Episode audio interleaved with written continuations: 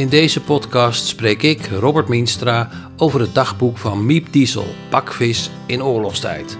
Mijn gasten zijn de dochter en kleindochter van Miep Diesel, Hilde van Garderen en Demi van het Woud. Een bijzonder verhaal over een opmerkelijk oorlogsdagboek. Hilde, laten we meteen met eh, de deur in huis vallen. Het dagboek is door Miep geschreven tussen 1942 en 1953 in en na de Tweede Wereldoorlog. Vertel eens wat het thema van het dagboek is, waar het over gaat. Ja, mijn moeder begon te schrijven. Toen was ze uh, pas 14, eigenlijk 15. Toen werd het echt uh, het echte begin. Um, en het kwam eigenlijk omdat ze thuis helemaal geen uitlaatklep had. haar ouders hadden geen tijd voor haar, geen aandacht voor haar. En ze was een uh, jong meisje, maakte van alles mee en, en heftige emoties, zoals uh, meisjes dat hebben op die leeftijd. En dat vertrouwde ze eigenlijk allemaal toe aan het geduldige papier van het, uh, van het dagboek. Um, maar het werd wel geschreven natuurlijk in een tijd die alles behalve gewoon was. Dus in de is, oorlog. Ja, ja in, de, in de bezettingstijd. In Haarlem speelde, want daar woonde zij. en de Noord-Hollandse steden hebben het ook heel zwaar gehad. Vooral die laatste winter, hè, de oorlogswinter, daar schrijft ze ook over. Maar het is eigenlijk haar verhaal van wat ze meemaakt op school, verliefdheden. In het begin nog een nieuwe jurk, uh, een Mieterse vuif, zo noemt ze dat dan. Um, maar de achtergrond en met name de verschrikkingen van de Tweede Wereldoorlog zijpelen langzaamaan binnen in haar verhaal. En dat maakt het eigenlijk wel heel indrukwekkend. Hoe zijpelen die binnen? Nou, dan staat er bijvoorbeeld een, een, klein zinnetje van dat die mythische vijf bij Carla niet doorging, want er werden doodvonnissen voltrokken. Um, of ze schrijft over een uh, luchtalarm. Um, of bijvoorbeeld op school dat er heel weinig jongens in de klas waren, want die dag daarvoor was er een razzia geweest. Dat de jongens werden weggehaald om uh, te werken in, uh, in Duitsland. Nou, dat zijn hele kleine zinnetjes, maar er zit natuurlijk een, een wereld achter. Heel indringend voor zo'n jong iemand. Ja, nou heet het bakvis in oorlogstijd. Niet iedereen weet wat daarmee bedoeld wordt met bakvis. Leg eens uit. Nou ja, we hebben er ook wel even over nagedacht. Maar bakvis is ook echt wel een woord uit die tijd. Uh, het geeft eigenlijk aan een, een ja, je zit een beetje tussen meisje en jonge vrouw in, bakvis. En vooral op die leeftijd, hè, je bent ook bezig met verliefdheden en je uiterlijk. En nou, niets nieuws onder de zon, nu nog steeds hetzelfde. En in die tijd werden die meisjes bakvissen genoemd. Beetje giechelen, giechelen als een bakvis. Ook zo'n uitdrukking. En ik vond het ook wel heel erg passen, omdat het ook geschreven is in die tijd. Ja, het is niet een oorlogsboek, het tegendeel eigenlijk. Ja. Het gaat meer over gevoelens. Ja, het gaat over wat haar bezig hield. Haar dromen, uh, maar nogmaals ook verliefdheden. Uh, hoe het op school ging. Uh, maar ook de relatie met haar ouders, die echt heel slecht was. Um, en nogmaals tegen de achtergrond van een tijd die natuurlijk heel bijzonder was. En vooral denk ik ook met in je achterhoofd, ja, dat er nog steeds heel veel jonge mensen zijn die in een dergelijke tijd opgroeien. Ja, daar gaan we het straks ja. nog uitgebreid over hebben. Um, nou viel mij op dat het boek pas in 2020 is gedrukt. Ja, dat klopt. Wist, je, wist jij van het bestaan van het dagboek? Ja, nou ja, mijn moeder had wel al vaker gezegd van dat ze een uh, oorlogsdagboek had. Uh, maar ja, zoals denk ik ook wel meer mensen zullen herkennen. Uh, mijn moeder zei geregeld in de oorlog dit. En dan moest ik uh, naar school met een tulpenbol. Iets anders had ik niet te eten. En nou, die verhalen die had ik inmiddels al twintig keer gehoord. Dus ik zat een beetje... maar wanneer kwam dat dagboek dan boven water? Nou ja, eigenlijk uh, een, een, een, nou, een, een half jaar, drie kwart jaar voor de publicatie. Toen gaf ze het aan mij. In één keer drukte ze het me in mijn handen. Ze was een beetje aan het rommelen op een kamertje. En het was hartstikke dik. Het was zo dik. Uh, en dat verraste Die me. Wijst ongeveer 10 centimeter aan. Zeker. 10 tot 15 ja. centimeter. Ja. En toen gaf ze me dat. En uh, toen heb ik het mee naar huis genomen. Ik was die avond ook alleen thuis. En ik ben gaan lezen in het dagboek. En s'nachts om twee uur was ik klaar. En de tranen liepen me over mijn wangen. Ik was echt heel erg geëmotioneerd door, uh, door het dagboek. Ja. Hoe is die gedrukte versie tot stand gekomen? Even een beetje techniek erin. Um, ja. Want je, het, het, was, het waren schriftjes. Ja, het was een, uh, of eigenlijk één, één dik schrift en nog een, een, een los schriftje. Um, ik heb toen uh, contact opgenomen met um, Helene Visser. Die kende ik goed, helaas overleden. Hè. Zij was voorzitter onder andere van het Bos de Onverzettelijke. Uh, ik zeg, god Helene, dit en dit. En ik zeg, ja, ik, ik, ik zou er wat mee willen, maar ik weet niet wat. En toen heeft ze mij geïntroduceerd bij Garald Verhoeven. Hij woont in Almere. En hij is boekhistoricus, verbonden aan de Universiteit van Leiden. En hij is bij mij thuis gekomen. En hij las één bladzijde en hij zegt, dit is echt bijzonder. En met name bijzonder, over wat ik net zei, dat het geen typisch oorlogsdagboek is, maar ook wel de manier waarop het is geschreven. Het is heel fris geschreven, goed geschreven, heel goed taalgebruik. Er zit ook humor in, er zit een beetje sarcasme in. Uh, en hij zei, dit is zo bijzonder, hier moeten we wat mee. Nou, hij had vrij veel relaties. Hij heeft het aangeboden aan boomuitgeverijen. Nou, niet de eerste, de beste. En uh, die waren ook helemaal enthousiast en die zeiden, we gaan dat uitgeven. En toen heeft de vrouw van Garald, Hanna, die heeft het uh, helemaal uh, uitgeschreven. Dus eigenlijk uitgetypt. en ik had allemaal fotoboekjes. Dus we hebben foto's hebben we erbij gezocht. Want het boek, ja, het is helemaal overgenomen zoals het door mijn moeder is geschreven. Dus eigenlijk niets aan veranderd. Maar er zitten dus wel wat tekst en uitleg bij van over die tijd. Ook met wat foto's. Maar ook foto's uit haar persoonlijke fotoalbumje. Ja. En dat maakt het wel een bijzonder document. Nou, dan kwam het boek in 2020 uit. En jouw moeder heeft dat boek niet meer kunnen zien. Nee, nee. Het is echt heel, uh, heel jammer. Ze wist wel dat het uitgegeven ging worden. Ze heeft daar nog wel zeg maar op A4 geprint. En uh, proefdruk heeft ze nog gezien. Dat heeft ze nog wel gezien. Ja, ze was ook heel trots. Uh, want ze was 93. En nou, de dames van de thuiszorg, daar heeft ze wel, wel tig keer verteld dat haar dagboek uitgegeven ging worden. Dus dat heeft ze nog wel meegekregen. Dat ja. was wel een trieste bedoeling dus eigenlijk. Dat ze, ja. dat ze de, de, de, presentatie net niet mee heeft gemaakt. Ja, en zij is ook overleden aan het begin van de coronatijd. Um, ja, dus het, het, het was een hele bijzondere tijd, ook omdat het allemaal zo samenviel. Mm -hmm. Maar ik vond het wel heel mooi om dit zo door te zetten, eigenlijk. Uh, ja, toch. Uh... Heb je je moeder nou beter leren kennen door dat uh, dagboek? Ja, en, en wat ik het bijzondere vind, kijk, je leert, of vooral die laatste periode van je ouders, hè, vooral als ze op een gegeven moment, ja, natuurlijk zijn overleden, dus als ze ouder zijn, als ze in de, in de 70, 80, 90 zijn, dat is een hele indrukwekkende uh, tijd. Hè. Dat is ook die laatste periode. Je ouders hebben ook meer jouw hulp nodig. En zo herinner ik mijn moeder ook wel, hè, dat ik haar uh, moest helpen en ondersteunen. Dus die hele verhouding wordt anders. En dan in één keer krijg je een document onder ogen waarin je dus ziet dat zij ook jong is geweest. Uh, gekke dingen heeft gedaan. Um, nou, met jongens heeft lopen zoenen. Um, en, en hoe ze daar dan later op terugkeek. En haar dromen. En, en dat vond ik zo'n voorrecht dat ik haar op die manier ook kon leren kennen.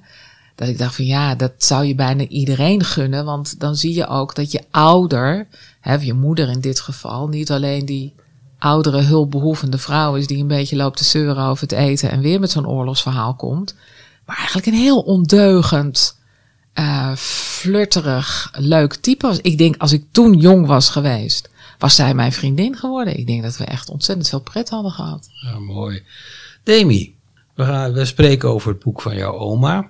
Jij kreeg dat op een gegeven moment natuurlijk ook te lezen, dat dagboek van, uh, van Miep Diesel. Wat deed het met jou? Ja, ik sluit me ook wel aan bij wat mijn moeder net ook aangeeft. Dat je haar in één keer op een bepaalde manier leert kennen. Um, die je, nou ja, misschien zelfs nog van je oma al helemaal niet zou leren kennen. Maar ook ik had heel veel herkenning aan haar. En dat ik eigenlijk ook wel heel erg trots was dat deze vrouw mijn oma was. En dat ik ook echt wel heel veel van mijn moeder terugzag. En dus ook wel, ook wel heel veel van mezelf. Wat, wat zag je van je moeder terug? Ja, mijn moeder was ook altijd wel ondeugend. Dat uh, is ze nog steeds. Dat is ze nog steeds. is ze nog steeds. Dat weten we allemaal. Ja, ja um, dus dat vond ik juist ook wel, ja, dat maakte het heel bijzonder, heel persoonlijk. Nou is het niet alle jonge mensen gegeven om zo'n inkijkje te krijgen in het vroegere leven van, van hun oma. Nee. Dat, uh, wat, wat neem je daarvan mee? Nou, ik heb haar echt leren kennen. Um, ik ben 27 en mijn oma is op 93-jarige leeftijd overleden. Um, dus je maakt iemand een bepaalde periode in haar leven mee, wat ook zo hoort bij een oma. Maar nu leerde je haar echt kennen ehm, wie ze echt was. En die, persoon was ze veel minder als je 70 bent. Dat hoort ook zo. Ehm, dus dat vind ik echt het meest bijzondere. En daarnaast ook veel meer inkijkje achter een persoon in die bijzondere tijd. Want ook ik hoorde elke week de verhalen over de suikerbollen of over, nou ja, eigenlijk tussen neus en lippen door weer, ja, en tijdens de oorlog. Ehm, en hiermee greep het me echt. Dat ik echt dacht, Het persoonlijk, hè? ja, dit is het. Ja. Eh, nou, wist je natuurlijk wel het een en ander over de Tweede Wereldoorlog. Ja. Op school gehoord. eh, Zeker. Van oma, van, eh, van mama, natuurlijk Ja. van alles gehoord. Heeft dat dagboek jouw beeld van die oorlog veranderd? Ja. In wat voor Mm. opzicht? Juist omdat dit niet is wat je leert op school. En juist wat het interessant maakt voor jongeren. Ik was eh, een nerd op school. Ik hield van geschiedenis. Ik vond de Tweede Wereldoorlog onwijs interessant. Maar ik merkte dat het niet weggelegd was voor al mijn klasgenoten. En ik denk zo'n verhaal, wat je zo kan grijpen. En voor mij is het natuurlijk extra omdat het persoonlijk is. Ehm, maar dit maakt dat mensen begrip krijgen van die periode. En van zo'n heftige tijd. En je merkt dat je dat nu in een tijd waarin je het eigenlijk opnieuw weer meemaakt, wanneer het opnieuw gewoon gaat plaatsvinden, dat je dat begrip nodig hebt om te begrijpen hoe erg het is wat er nu weer in de wereld gebeurt. Heb je kinderen? Ja, ik heb een dochtertje van 10 maanden. Van tien maanden. Daar ga jij natuurlijk dit ook op overdragen. Ja, absoluut. Dus eh, er ligt dan Ja. een boek voor haar klaar eigenlijk. Ja, en ik ga dat ook absoluut meenemen, want ik vind het. Ik voel me ook echt gezegend dat ik die kennis heb meegekregen. Eh, van mijn oma en natuurlijk daarna via mijn moeder. Maar dit zijn lessen voor het leven. Niet alleen maar over de geschiedenis, maar dit zijn lessen die je mee moet nemen in hoe je naar het leven kijkt. Hilde had het net over eh, dat ze in tranen zat toen ze het eh, dagboek uit had. Dat gaat natuurlijk ook om die gevoelens die daar eh, zo, zo nadrukkelijk in naar voren komen in dat boek. Zijn er nou gelijkenissen in dat dagboek met de tijd van nu? Dus als we 42 tot 53 vergelijken met 2022 en bijna 2023, Ja. zijn er overeenkomsten? Ik geloof alleen maar. Het gaat. eh, mijn oma zei altijd: jongeren moeten beseffen dat het leven in, in, in welvaart en met name ook in vrijheid niet vanzelfsprekend is. En ik geloof dat we na de Tweede Wereldoorlog heel snel, in ieder geval vanuit Nederland, daarna zijn er natuurlijk nog veel meer dingen gebeurd, maar dat we heel snel dachten: ja, die vrijheid, eh, zoiets als de Tweede Wereldoorlog gaat nooit meer gebeuren. Nou ja, en je ziet nu dus met, met Rusland, met Oekraïne, ja, wel degelijk. Het, het is dus niet vanzelfsprekend. Gewoon weer op Europees grondgebied. Ja, Ja. weer op Europees Ja, vind ik echt, grondgebied. vind ik echt schokkend. Ja. Nou heb je, Hilde, de stichting Miep Diesel opgericht. Juist ook vanuit deze gedachte waar we het net over hadden. Ja. Vertel eens over die stichting Miep Diesel. Ja, de stichting gaat, eh, heeft eigenlijk twee eh, doelstellingen. De eh, eerste is dus inderdaad dat, dat verhaal van de oorlog, maar vooral van jongeren. Zoveel jongeren die in een tijd opgroeien of in een, in een land opgroeien, misschien wel moeten vluchten, waar dus geen vrijheid is en wat Demi ook zegt, waar geen welvaart is. En, en, en voor ons is het zo ontzettend vanzelfsprekend. En terwijl het dat niet zou mogen zijn of zou moeten zijn. Een heleboel mensen vluchten. Dus dit kan bijdragen aan het begrip. Eh, wat, wat, wat voel je nou? Wat is je leven? Waarom vlucht je? Ehm, dus dat is één eh, doelstelling van de stichting. En de andere is hoe belangrijk het is om uiting te kunnen geven aan je gevoelens. Want daarom schreef mijn moeder dat dagboek. Ze had nou, geen klankbord, maar wel dat geduldige schriftje. En als ik dan ook hoor en lees dat ook zoveel jongeren eh, kampen met depressieve gevoelens, ook in coronatijd, maar ook daarna, ehm, dat het zo kan helpen voor jezelf om het van je af te schrijven, maar ook voor anderen om dan jouw verhaal te lezen. Want volgens mij gaat het daarom dat we elkaar wel een beetje begrijpen. We hoeven het niet eens te zijn. We kunnen wel denken van, nou ja, ik weet het niet wat jij allemaal, maar wel dat begrip. En in ieder geval de, het realiseren dat jouw leven eh, totaal kan verschillen van die ander. Maak van je schrijfschriftje een luisterend oor. Ja, Daar komt het een beetje op neer. Demi, nou zit jij ook in dat bestuur. Ja, klopt. En Hilde vertelde al van nou, eh, jongeren ego-documenten laten maken. Zo begrijp ik het dan. Nu is er een schrijfwedstrijd. Ja. Kan je daar wat meer over vertellen? Ja, nou ja, in, het, het, sluit aan bij dus een van die doelstellingen. Dat we jongeren willen aanzetten. Dat we, um, dit is echt bedoeld voor jongeren. Um, de schrijfwedstrijd is bedoeld dat, dat uh, kinderen, jongeren of iets gaan opschrijven. Maar het hoeft dus niet altijd in schrift te zijn. Want niet iedereen vindt het op papier leuk. Dit kan ook... Uh, een blog of een vlog? Een blog. In, een vlog is tegenwoordig natuurlijk ook helemaal uh, je brieven, van het. Brieven mag ook. Ja. Gedichten. Ja. ja. Alles is mogelijk. Alles. Um, en uh, omdat we het dus zo willen uitnodigen, dan komt er een prijs. Want dat maakt het natuurlijk ook altijd wel heel erg leuk. Dus jullie nodigen met Stichting Miep Diesel de Almeerse kinderen en jongeren uit om mee te doen aan die schrijfwedstrijd. Ja. Met als doel ook dat ze ontdekken dat je je gevoelens ook kwijt kan zonder dat je echt tegen iemand praat. Ja, een ego-document opstellen. Een ego-document. Ja, zo heet het officieel. En het helpt jou maar het helpt ook anderen om gewoon te begrijpen wat jij meemaakt. Uh, en dat is dat onderlinge begrip waar we volgens mij uh, ongelooflijk veel behoefte aan hebben. En dat is dus echt wel wat hier uh, onder ligt. En dan ook voor die jongeren. We doen het in samenwerking met de nieuwe bibliotheek in Almere. En met Almere deze week. Uh, hartstikke mooi met z'n drieën. Nou, we hebben ook al een paar besprekingen gehad. En uh, nou, we krijgen er allemaal heel veel energie van. We vinden het heel erg leuk om te doen. We gaan naar scholen. Uh, er zijn ook wel scholen die hebben zich aangemeld. Het is met name voor groep 7, 8. dus het primair onderwijs en de onderbouw van het voortgezet onderwijs. We gaan onder andere samen naar school. en dan gaan we ook daarover vertellen. En Almere deze week gaat ook die jongeren interviewen. Ja.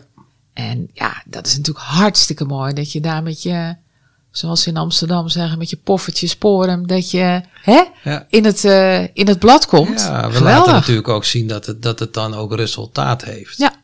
En we hopen dan ook hè, door middel van die publicaties weer andere jongeren te inspireren van hé, hey, dat wil ik ook. We gaan, uh, ik kan meedoen. En vers van de pers, uh, er zijn ook twee schrijfworkshops worden georganiseerd door de nieuwe bibliotheek. Uh, speciaal ter voorbereiding, ter inspiratie op uh, die schrijfwedstrijd. En die worden gegeven door Ilse Ruiters. Nou, onze ja. eigen Almeerse thriller-schrijfster. Dus ja, superleuk. Ja, en de kinderburgemeester? Komt in de jury. Die komt in de jury. Ja. Dat is natuurlijk ook hartstikke leuk. Dus het, het zijn niet alleen maar uh, wijze oude mannen en vrouwen die gaan jureren, maar juist ook jongeren. Ja. Dat, uh, jongeren trekt ook jongeren. Ja. Dat is het ook. Absoluut. Ja. Hoe kunnen ze nou meedoen? Um, de kinderen? Nou, het is eigenlijk heel simpel. Uh, schrijf uh, wat of maak iets. En dat kan je dan uh, sturen naar info.miepdiesel.nl. Maar je kan ook even op de website kijken van Miep Diesel. Daar staat ook onder het kopje schrijfwedstrijd staat wat geschreven erover. Uh, via de nieuwe bibliotheekinformatie. Nou, Almere deze week. Uh, maar eigenlijk heel simpel. Dus uh, voor 4 april moet je het volgend jaar moet je het in, insturen. En dan op 21 april komt er een spetterend eindfeest. Daar worden de genomineerden gepresenteerd. En daar worden de winnaars bekendgemaakt. Eén dus vanuit het primair onderwijs en eentje vanuit het voortgezet onderwijs. Uh, nou, en daar gaan we een superleuk feestje van maken. En dan, dan hopen we dat het gedachtegoed van Miep Diesel, dat dat daarna ook nog landt.